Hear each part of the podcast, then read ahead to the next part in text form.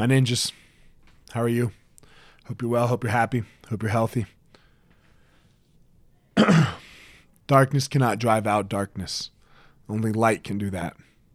Hate cannot drive out hate. Only love can do that. Martin Luther King Jr. What would he be doing right now? Would he be protesting?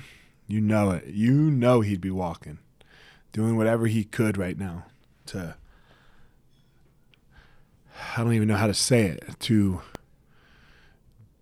strengthen the unity between African Americans, all minorities, and white people, and then everyone in between. But he never did, nor did he ever do it with hate. And neither should we. He's the greatest civil rights leader of our time. Would he be standing up for injustice? Yes. Would he probably have been arrested a time or two? Yes, because we knew that we know that he was. But he wouldn't be doing it in a way that was violent. And I'm not saying I don't understand the the uh, I don't understand it now. I did understand the violent protests. I, I did understand how they turned slightly violent, especially in Minneapolis, burning the police. Like I understood some of that. Don't and please don't um, mistake my understanding with agreeing. Understand, two different things. But what's going on now, he would not be condoning. I don't think any leader is condoning, right? I don't think any leader is condoning. Uh, we, we need to stand together. We need to find some solidarity. We need to find some common ground. We need to find some love. And it's really, really hard, right? Because I get it. This is some bullshit. What happened to George Floyd is some bullshit. What, ha- what has happened to the African American community and all minorities dealing with the police is some bullshit.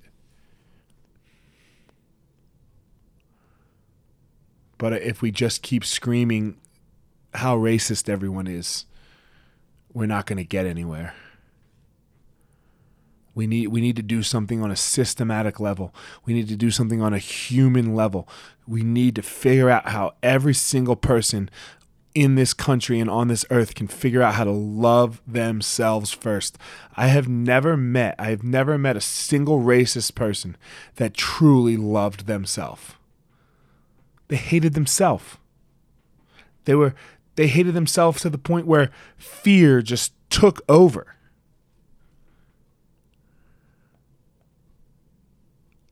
Love is the way. We have to figure that out.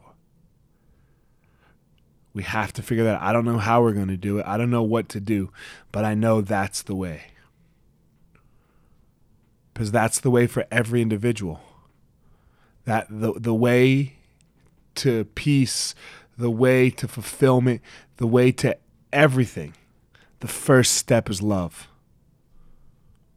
Give someone a hug tomorrow. Give them a call. Send them a text. Something. Tell them you love them. Find your power.